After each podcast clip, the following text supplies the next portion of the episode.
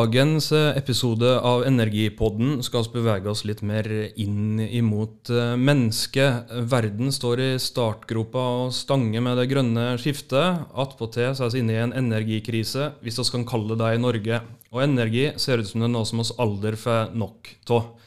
Det vokser og vokser, og i dag så har jeg med meg professor i sosialantropologi ved Universitetet i Oslo, Thomas Hylland Eriksen. Hei. Hei, hei.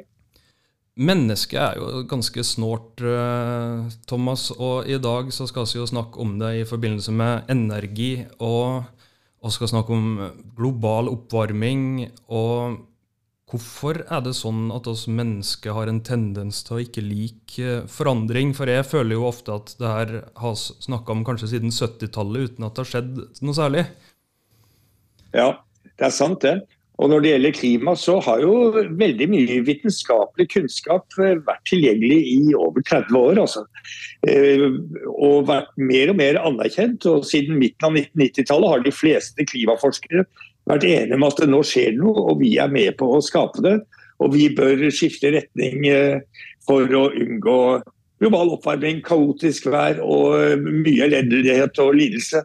Og Likevel så har det jo skjedd relativt lite i dagliglivet til folk. Mye mindre det i hvert fall jeg trodde på midten av 1990-tallet. Vi har internasjonale avtaler. Eh, vi har masse tiltak. Vi har masse regjeringer og myndigheter rundt omkring som skryter av alt de får til. Men når du ser på statistikken over energiforbruk i verden, så er ikke den så veldig imponerende. Altså, det er fremdeles vekst i forbruk av kull. Det er fremdeles vekst i olje og gass. Det er vekst i fornybar også, men det er en ganske liten del av den, av den totale energipakken på verdensbasis. Så, så, det er et tankekors. Det. Hvorfor skjer det så lite? Og et svar som du av og til får fra klimaforskere og folk som jobber naturvitenskapelig med dette, her, det er at vi trenger mer forskning. Vi gjør nok det, eh, men jeg tror vi trenger mer forskning av et annet slag. Nemlig sånn forskning som sånne som meg driver med. Altså Vi prøver å finne ut hva er det mennesker egentlig holder på med. Hvorfor gjør de det? Hvorfor er det sånn at uh, det jeg skulle ønske at jeg gjorde, det gjør jeg ikke. Og det jeg skammer meg litt over, det gjør jeg. For sånn er det ganske mange som har det i vår del av verden. Fordi vi vet så mye om konsekvensene av uh, måten vi lever på. Ja, og likevel, så er det sånn, spesielt i Norge, da, så tenker jeg at allerede i påska så har vel oss på en måte brukt opp ressursene for året vårt, hvis en skal ta det i sånn ressursregnskapet. Ja, det er riktig, det. Eh, og den datoen eh, den kommer jo tidligere og tidligere for hvert år. Altså den datoen da vi på verdensbasis har brukt opp liksom, de ressursene vi har til rådighet. Nå er vi vel i slutten av juli, tror jeg. Eh, for noen år siden var det i august, og i Norge er vi enda tidligere. Fordi vi er et rikt land og vi har behov for mye oppvarming av boliger. Og vi har en eh, infrastruktur som er ganske krevende fordi det er så store avstander. Og nordmenn liker å reise. Eh, og ja, vi, vi, er noen, vi er ikke den beste gutten i klassen eller jenta i klassen på dette området på noen som helst måte.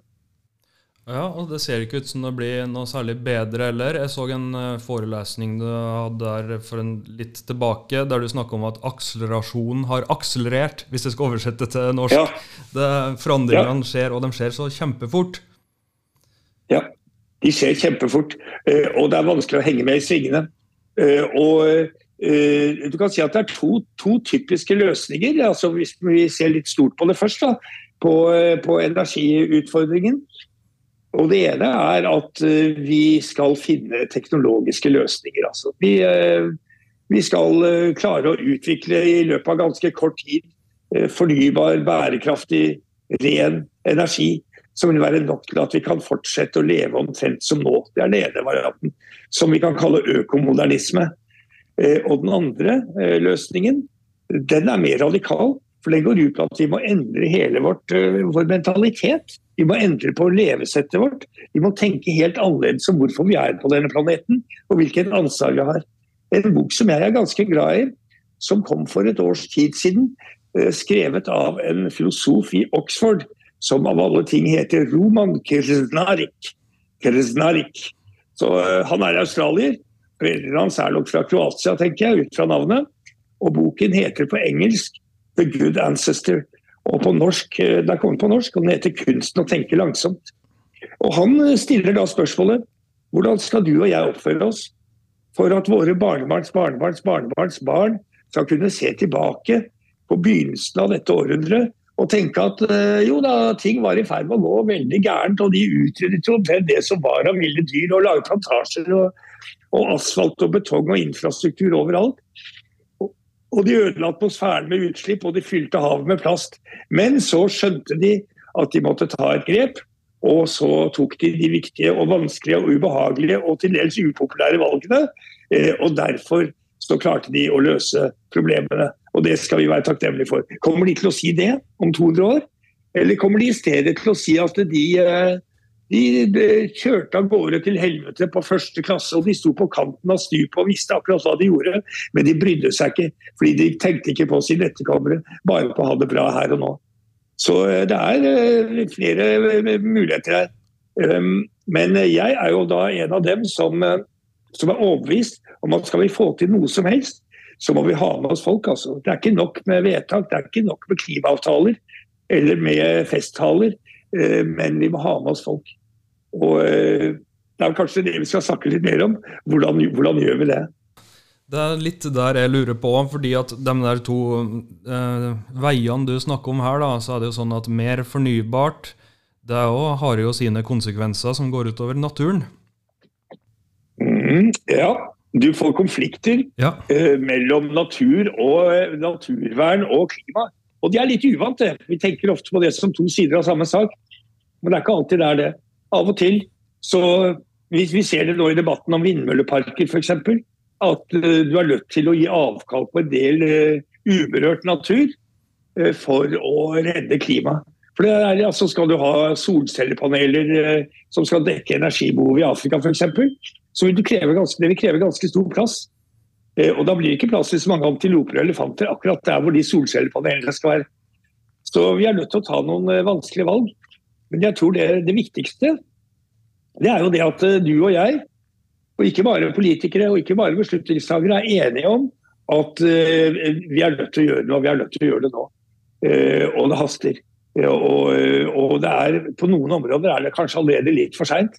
Fordi klimaendringer er allerede over oss med mye ekstremvær og ja, andre tegn da, på at planeten er litt i ubalanse. Men vi kan rette opp veldig mye. Eh, og eh, vi har ikke gitt opp, og vi må prøve å gjøre ting og leve litt annerledes. Men eh, jeg har lyst til å nevne en bok som tar opp disse spørsmålene, som kom for noen år siden. Den er skrevet av den amerikanske sosiologen Kari Marie Norgård. Og hun, til tross for navnet, er altså ikke norsk, men hun har jo norske stamfedre og mødre. Kommer fra Oregon på vestkysten av USA og eh, lærte seg norsk i voksen alder. Så hun snakker flytende norsk med en veldig tydelig amerikansk aksent. Eh, og gjorde feltarbeid i en eh, liten by, småby på Vestlandet, som hun kaller bygdaby. Jeg vet hvor det er. Det er lett å gjenkjenne når du leser boka. Men la oss si at det er en by som er veldig avhengig, en liten by som er bygd som er veldig avhengig av skiturisme, vinterturisme, og ikke minst vinterturisme fra Bergen. Mange fra Bergen kommer dit, de har hytter der. Eh, og også fra andre deler av, eh, av Norge. Og så var det noen år tidlig på 2000-tallet. Det var milde vintre, det smeltet, det ble skare, det ble is. Det ble vanskelige forhold for å drive med langrenn og ski. Og hun var da interessert i hva er det, hvordan reagerer folk på dette. Tenker de at nå må vi gjøre noe? Nå må vi forandre på livsstilen vår. Vi kan ikke ha det sånn i fremtiden. Og det kommer til å ta fra oss livsgrunnlaget. Og det har også noen andre konsekvenser. Og boken hennes heter altså da 'Living in Denial', altså å leve med fornektelse. Eh, og eh, hun viser jo da eh, at de fleste som bor der, de, de, driver med det vi i psykologi kan kalle rasjonalisering og fortrengning. Altså ja ja, det går jo gærent med klima, og jeg burde ikke kjøre som en bil, men jeg er nødt til å kjøre barna mine på trening. ikke sant? Hvordan skal de ellers komme seg på trening? Eller vi, å, vi, må få lov til å kose oss litt med en, med en saftig biff på lørdagskvelden. Altså. Fordi vi har jobbet så hardt hele uka. Eller nå har vi strevd og slitt og gledet oss til å komme oss til et deilig, varmt sted uh, i et halvt år og spart penger. og da har vi fortjent den sydenferien. Altså det, det er veldig mange uh, resonnementer av den typen, hvor du ser at ulike hensyn står mot hverandre. Så uh, jeg tror mange av oss kan kjenne oss litt igjen i, eh, i hennes beskrivelser, hvorfor det skjer så mye. Så det er nå én ting. Eh, og det er også lærdom fra gammel sosiologi at eh, du kan godt gi folk nye rettigheter og gi dem et bedre liv. Og de vil være takknemlige. Men det er forferdelig vanskelig når du først har gitt dem de rettighetene, å ta dem bort igjen. Altså, ja, nei, det kan nok ikke Nei, jeg kan ikke kjøre bil lenger. Altså. Det var noe der med på 1900-tallet og litt sånn, men nå må vi slutte med det. Eller uh, alle disse flyreisene. Nei, altså, det kan ikke, kan ikke fortsette med det. Vi må slutte med det. Og da vil ikke folk stå der med lua i hånda og tenke at ja, ja, hvis myndighetene sier det, så får vi godta det. Nei, da vil de protestere og insistere på at uh, de skal ha det like bra som de har hatt det før, og som deres foreldre hadde det. Så uh, det er noe der med rettigheter. Og en annen faktor som jeg også har lyst til å nevne, det er vanens makt. ikke sant? Altså det, det som man i økonomien kaller stiavhengighet. Altså at du fortsetter å gjøre ting fordi det er sånn du har gjort det tidligere, selv om det finnes bedre alternativer. Så vi står litt i stampe der. Ehm, det finnes eh, masse gode eksempler på grupper og folk og små eh, økolandsbyer og eh, små grupper av forskjellige slag som har tatt skjeen i en annen hånd, og som har kommet en levemåte, levesett, hvor de har ganske lavt karbonfotavtrykk. Og vi har også masse eksempler på folk andre steder i verden som lever ganske fint altså med et lavt karbonfotavtrykk.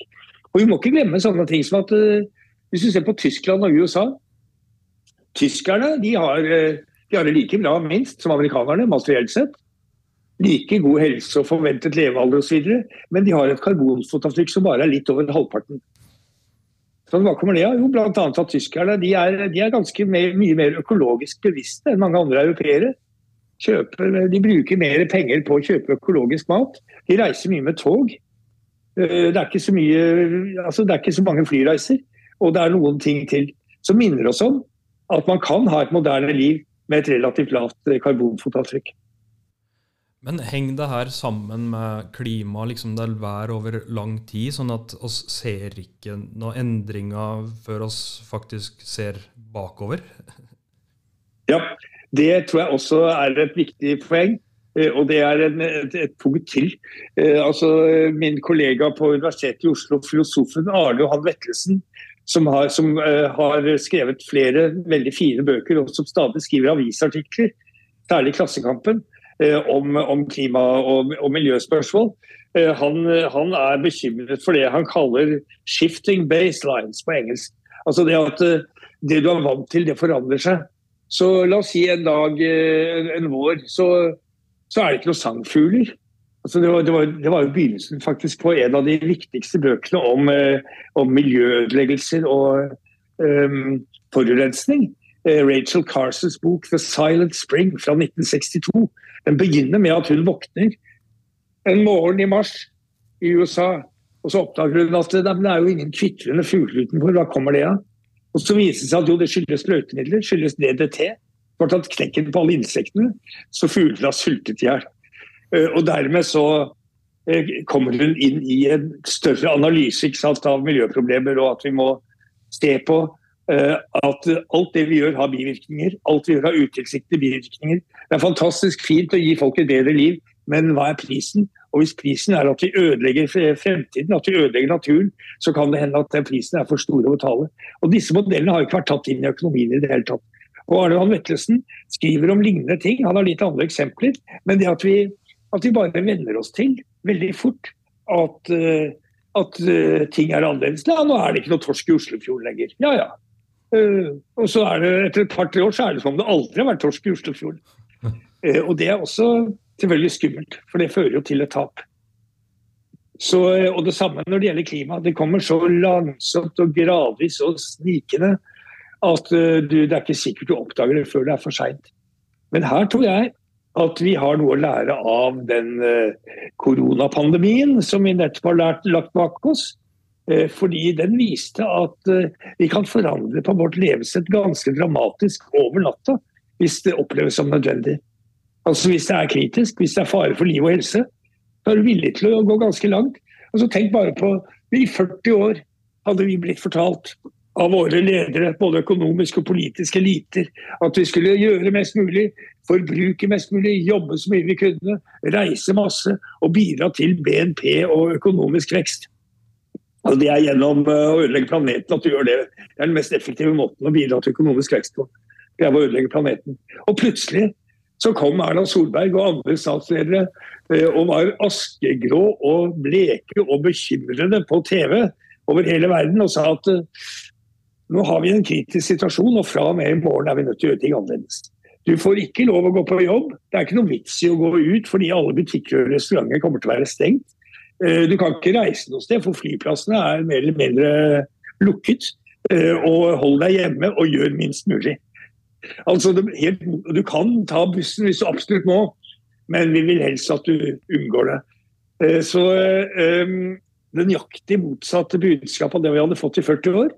Og folk her i landet og i veldig mange andre land de snudde seg rundt og levde helt annerledes.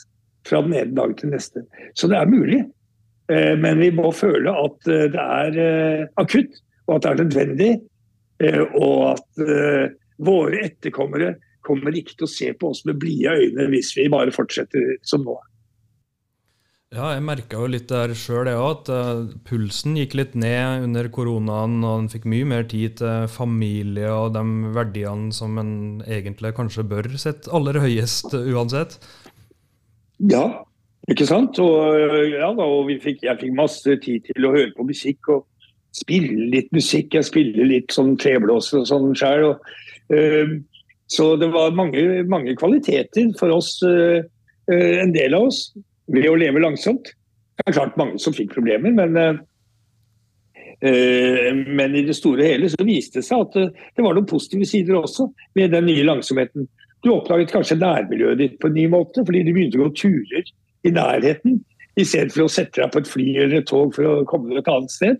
Uh, og, og, du blir kanskje kjent med naboene dine på en ny måte, selv om du måtte holde sosial avstand da, på, på, et par meter. Så uh, jeg tror vi har noe å lære av den pandemien. Den forteller oss iallfall at det er ikke sånn at vi er nødt til å fortsette som nå bestandig. Vi kan faktisk gjøre ting annerledes. Uh, og vi trenger lederskap som kan fortelle oss at nå, fra og med nå, så skal vi leve bærekraftig og det kommer til å være vanskelig, og alle er nødt til å ofre noe, men vi er nødt til å gjøre det. Og vi kommer til å få bedre liv, og våre etterkommere kommer til å takke oss. Og planeten kommer til å takke oss. Det ville vært noe, det. Hvis politikerne hadde sagt sånne ting, så hadde jeg kanskje stemt på dem. Men eh, er politikerne da liksom Er det sammensatt i samfunnet med mer, mer, mer, og det blir jo mer eh, i media, en oppslag, og en, en lille sak blir blåst stort opp, da. Er det sånn at politikerne etter hvert er mer redd for å ta sånne store avgjørelser, eller eh, hvordan henger det her sammen? Um, ja, de er nok det. Men det er også et problem at eh, politikerne og de som tar beslutninger i samfunnet, de er også de er på en måte eh, de er en del av veldig mye større nettverk. De har masse forpliktelser i mange retninger. Så de er litt bundet på hender og føtter. De kan ikke være så radikale som noen av dem kanskje skulle ønske at de kunne. Jeg husker veldig godt jeg, for noen år siden, ja, det begynner å bli en del år siden faktisk, da Støre ble ny leder av Arbeiderpartiet. I den første talen han holdt, så snakket han om at nå skulle Arbeiderpartiet bli et klimavennlig parti. Eh, og man skulle satse på fornybar energi. og man, eh, Han sa ikke akkurat at de skulle redusere forbruket, men det lå noe der som kunne tolkes i den retning. Og Så gikk det noen dager, Eh, og før de visste ordet av det, så sto Jonas Gahr Støre med hjelm og, og oljehyre og greier på en oljeplattform i Nordsjøen og snakket om hvor viktig oljen var for norsk økonomi. Så da var det noen som hadde tatt et par telefoner til han, ikke sant? og sagt at Jonas, hvis du skal fortsette i den jobben, så kan du ikke si sånne ting. For det er så så stor del av BNP, det er så så mange arbeidsplasser, så så mange velgere. Eh, og du kommer til å miste alt hvis du skal gjøre Arbeiderpartiet til et klimaparti. Så eh, man har veldig mange motstridende hensyn å ta som politiker. Og Det er derfor jeg tror at uh, endringene bør begynne nedenfra. At begynner med, med deg og meg. Uh, gode eksempler, gode forbilder, som kan vise at du kan ha en minst like god, faktisk bedre livskvalitet hvis du lever et bærekraftig liv enn hvis du ikke gjør det. Og, og at vi er uansvarlige. Og at vi lever i det jeg kaller øyeblikkets tyranni. Vi er bare her og nå. ikke sant? Vi tenker ikke på, på fremtiden. Og, det, og, og, nå kommer den tilbake for fullt. Vi har levd i en verden hvor vi har trodd på utvikling og fremskritt som har vært liksom, drivkraften, har vært den ideologiske motoren i verden i et par hundre år. Siden begynnelsen på den industrielle revolusjon. Og nå har vi gradvis innsett at uh, den, var en, den fossile revolusjonen fra tidlig 1800-tall den var en velsignelse for menneskeheten. Den har gitt oss så mye bedre liv, og den har gitt oss bedre helse og mange muligheter osv. Og, og, og nå er den plutselig blitt en forbannelse. Den har vært en velsignelse, men nå har det tippet over. Vi har nådd det vippepunktet hvor den har blitt en forbannelse. Fordi vi ødelegger mer enn vi skaper. Så nå må vi eh, begynne litt med blanke ark og tenke litt nytt. Hva slags verden, hva slags samfunn er det vi ønsker oss? Eh, og da må vi ha politisk fantasi, og vi må ha mot. Og vi må kanskje ha noen eh, initiativer som ikke kommer fra det etablerte miljøet av eh, verken politikk eller økonomi. Fordi de er som sagt, de er så innsauset i uh, ulike typer forpliktelser. Det gjør det forferdelig vanskelig å få til endringer. Det var noe som, uh, som for mange, mange herrens år siden, på 70-tallet, da jeg var en helt ung gutt og mann, uh, så var det en maktutredning. Den første maktutredningen i Norge, ledet av Gudmund Hernes som jo fremdeles er aktiv for øvrig. Han er en eldre herre nå, men kjempesmart fyr. Han er sosiolog. Og Hernes og hans medarbeidere de innførte da begrepet 'det korporative samfunn'. Eh, og det er korporativ, altså, det betyr ikke at det består av liksom corporations, men at det består av institusjoner, foreninger, organisasjoner, interessegrupper. Og at eh, alle har rett til å bli hørt, alle har rett til å delta, og de holder hverandre i sjakk på en sånn måte at dramatiske forandringer blir forferdelig vanskelig. Så samfunnet blir veldig konservativt på den måten. Men eh, nå høres det ut som jeg eh, lengter etter en sterk leder. Ikke sant? En, eh, en, Vladimir Putin som kan si at nei, nå, går vi til krig mot Ukraina. Og den som motsier meg, blir sendt til saltgruvene. nei, jeg tror kanskje ikke det. Det er derfor jeg sier at disse initiativene må komme nedenfra. Eh, og eh, noe jeg har erfart selv. altså Jeg har gjort feltarbeid i Australia eh, og i en industriby for ikke så mange år siden. Um, og det jeg var opptatt av da, det var rett og slett forholdet mellom bærekraft og vekst. Altså. For dette var en by som da bidro ganske mye til økonomien i Queensland, som var den delstaten i Australia hvor den ligger. Byen heter Gladstone, og der var det aluminiumsverk. Det var en av verdens største kullhavner. Eh, det var ganske mye tungindustri, og også veldig skitten forurensende industri. De hadde bl.a. en cyanidfabrikk. altså Cyanid er jo et ekstremt giftig stoff. Men ja, vi må ha en cyanidfabrikk. Vi plasserer det i Glansen, for der er det så mye drit allerede at de kommer ikke til å merke forskjell.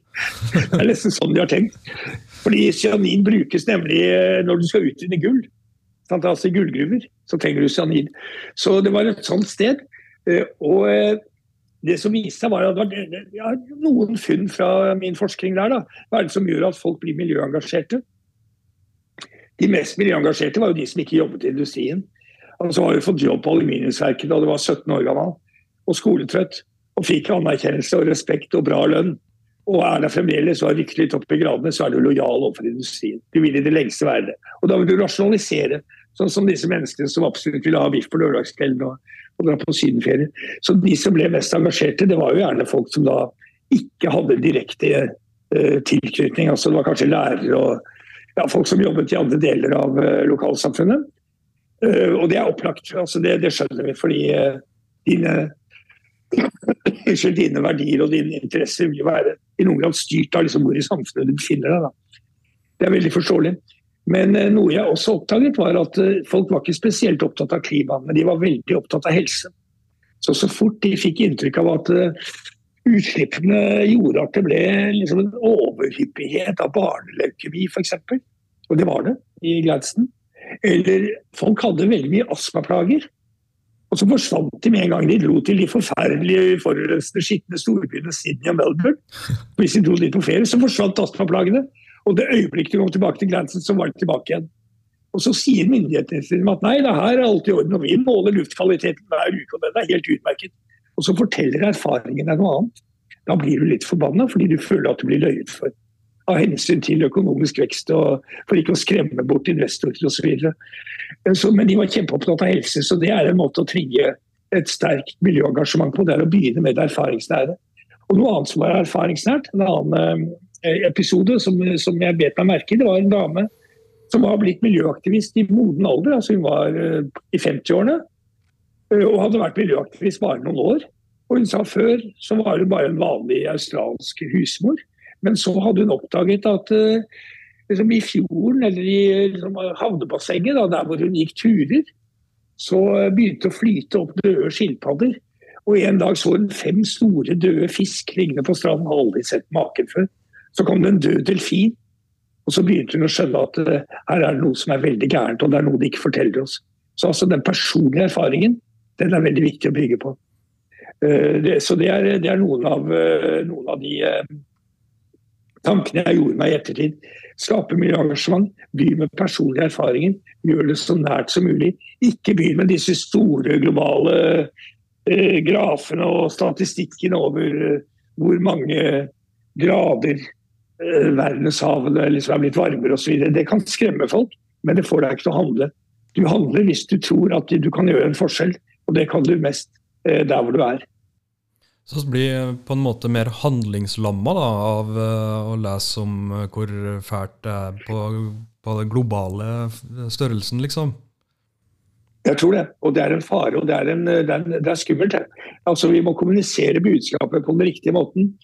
Så Jeg holder av og til foredrag for ungdom om um, i hvert fall hvor det er ungdom til stede, det er liksom blandede forsamlinger, da, om klima, miljø og globalisering og det jeg kaller overoppheting. Altså den akselerasjonen av akselerasjon. At det går bare fortere og fortere, og verden er overopphetet. Både bokstavelig og billedlig talt. Tenk bare på den endringen som har skjedd med kunstig intelligens de siste månedene. Plutselig er vi et helt annet sted ikke sant? Mm. Uh, enn det vi var eh, før november 2022. Og alle vet om chat GPT.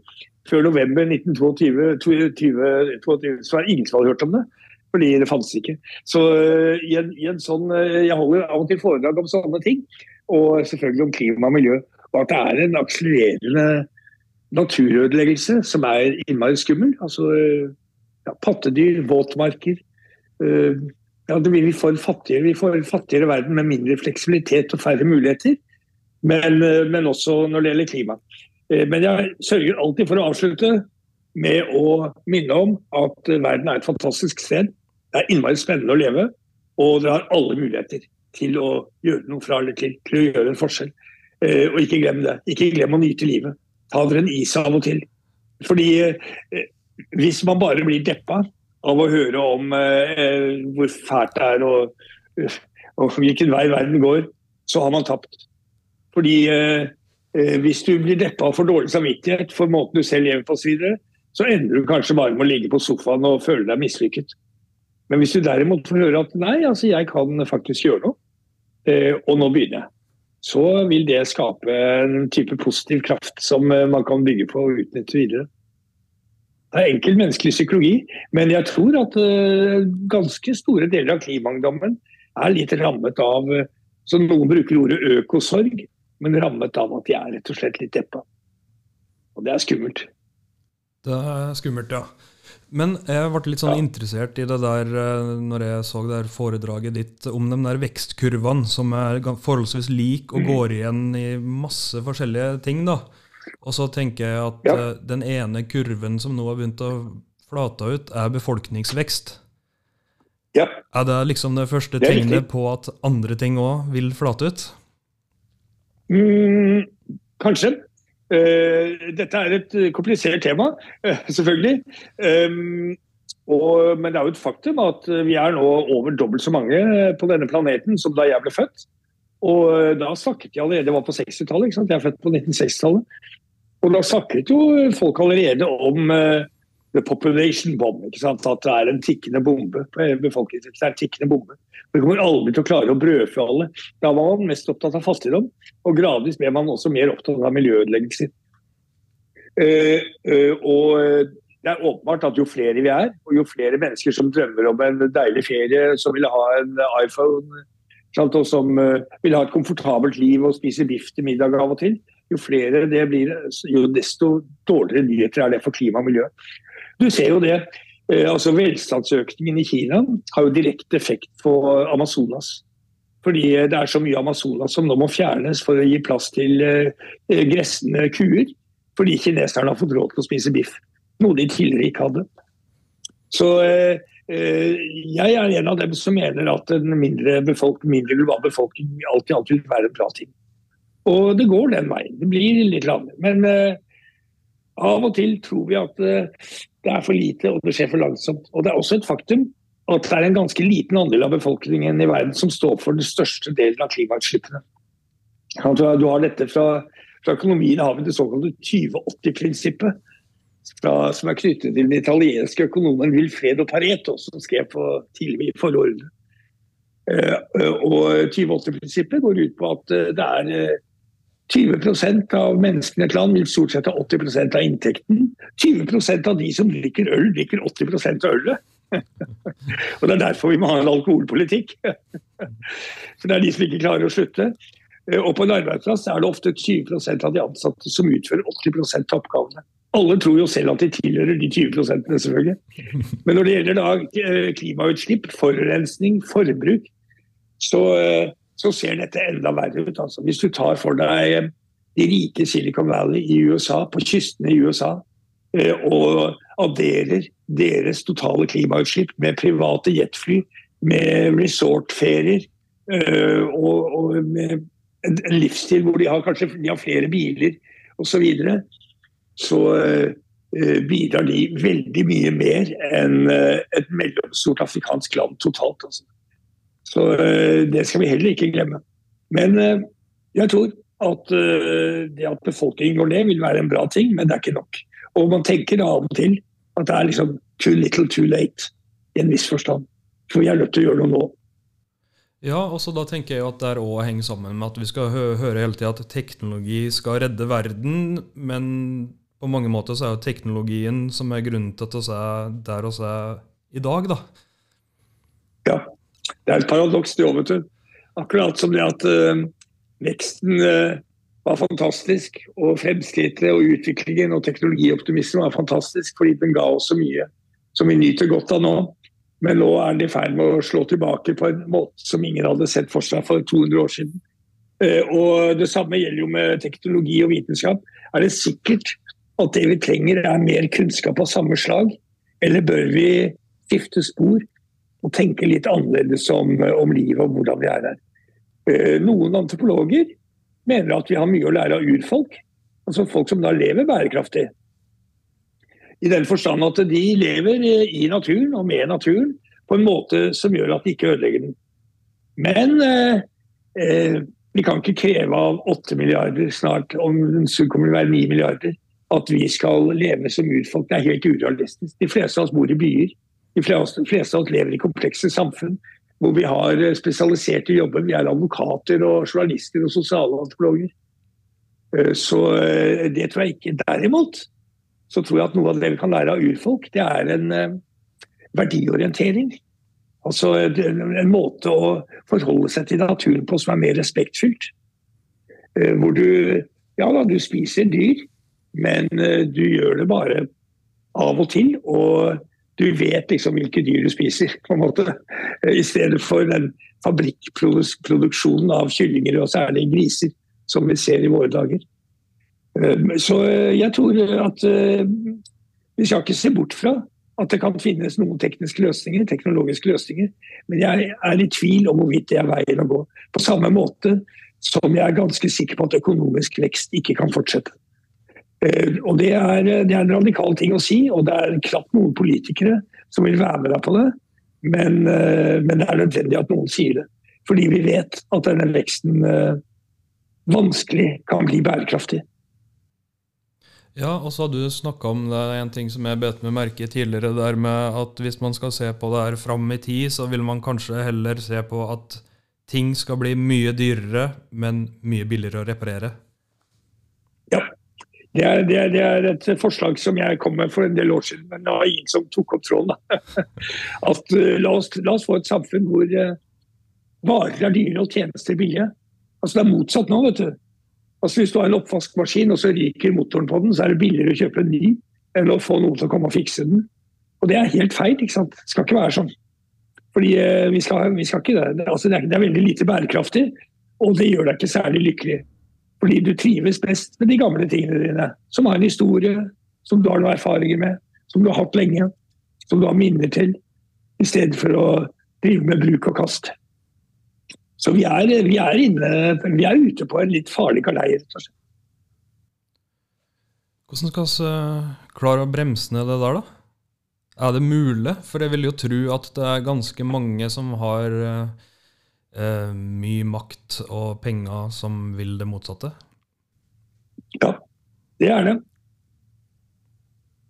Så det Jeg har ikke noe svar på det. Hadde jeg hatt det, så, så ville det, ville det vært fantastisk. Nei, jeg har dessverre ikke svar på hvordan vi skal gjøre det. Annet enn at vi må prøve å ikke bare tenke på hva som må gjøres, men også hvordan det kan gjøres. Og det tredje, jeg vil si i den sammenhengen, Altså, ja da, hva må gjøres? Det er greit.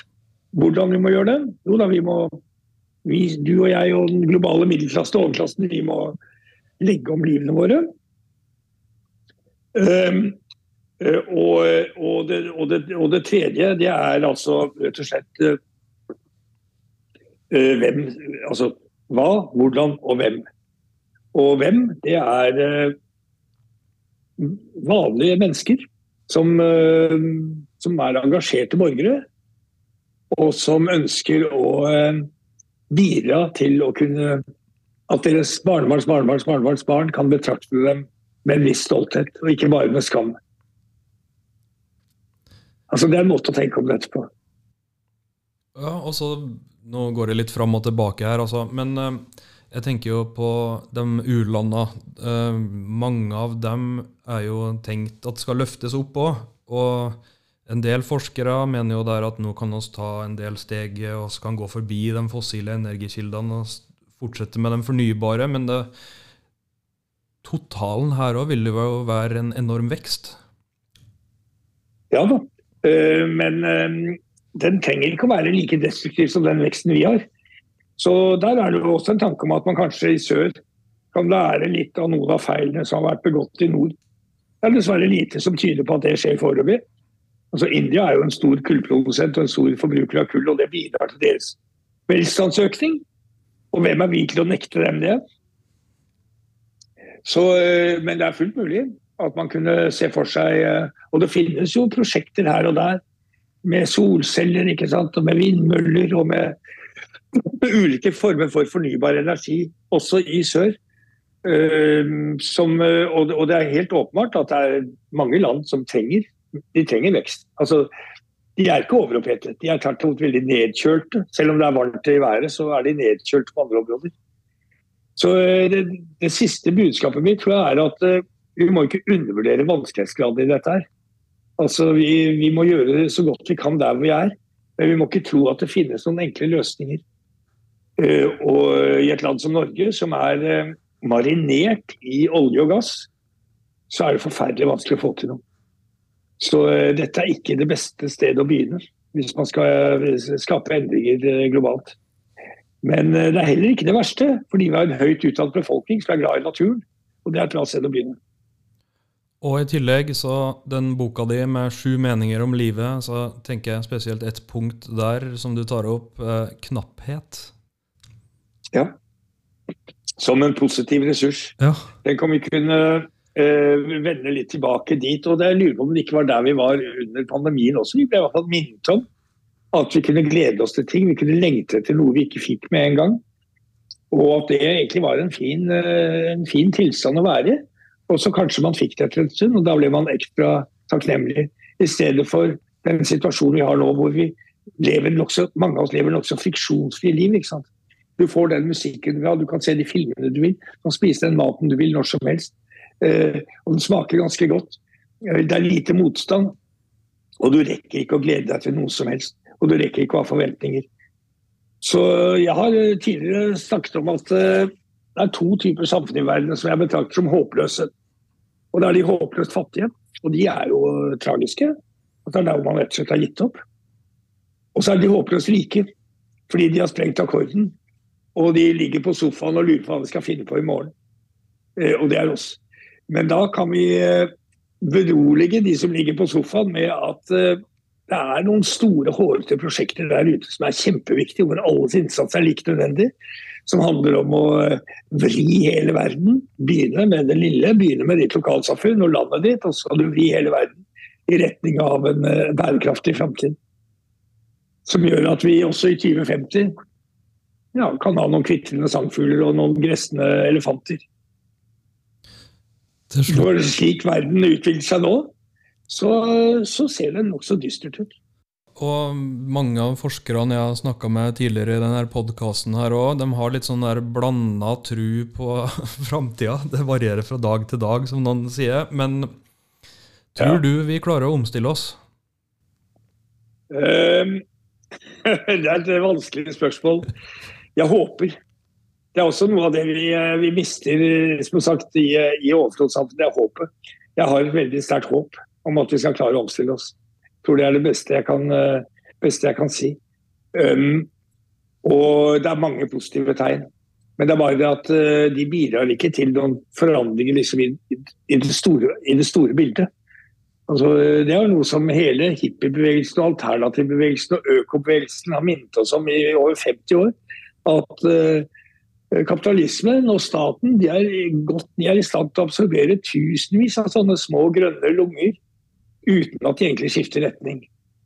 Som små sikkerhetsventiler. Så kan raddisene liksom få lov å ha sine økolandsbyer hvor de kan dyrke litt gulrøtter og, og, og, leve bærekraftig, mens vi fortsetter å bygge industri og infrastruktur og bidrar til økonomisk vekst. Og det er det ansvarlig å gjøre.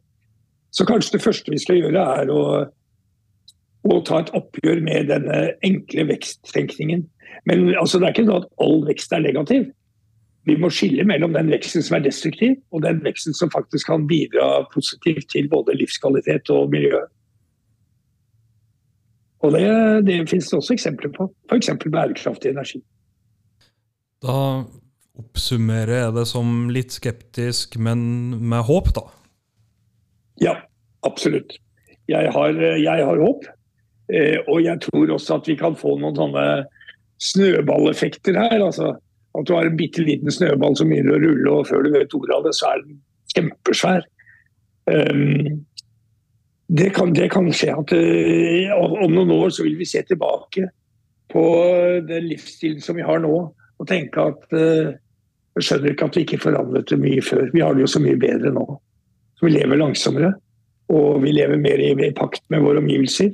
Og mer ansvarlig med tanke på våre etterkommere og framtiden. Så hvorfor gjorde vi ikke dette for lenge siden? Det er også en mulighet. Og la oss håpe på det. Tusen takk, eh, Thomas, for at du tok deg tid til å være med i denne eh, episoden her av Energipodden. Det var fascinerende å få lov til å prate med deg. Takk skal du ha for at jeg ble invitert. Det var en spennende samtale om viktige ting.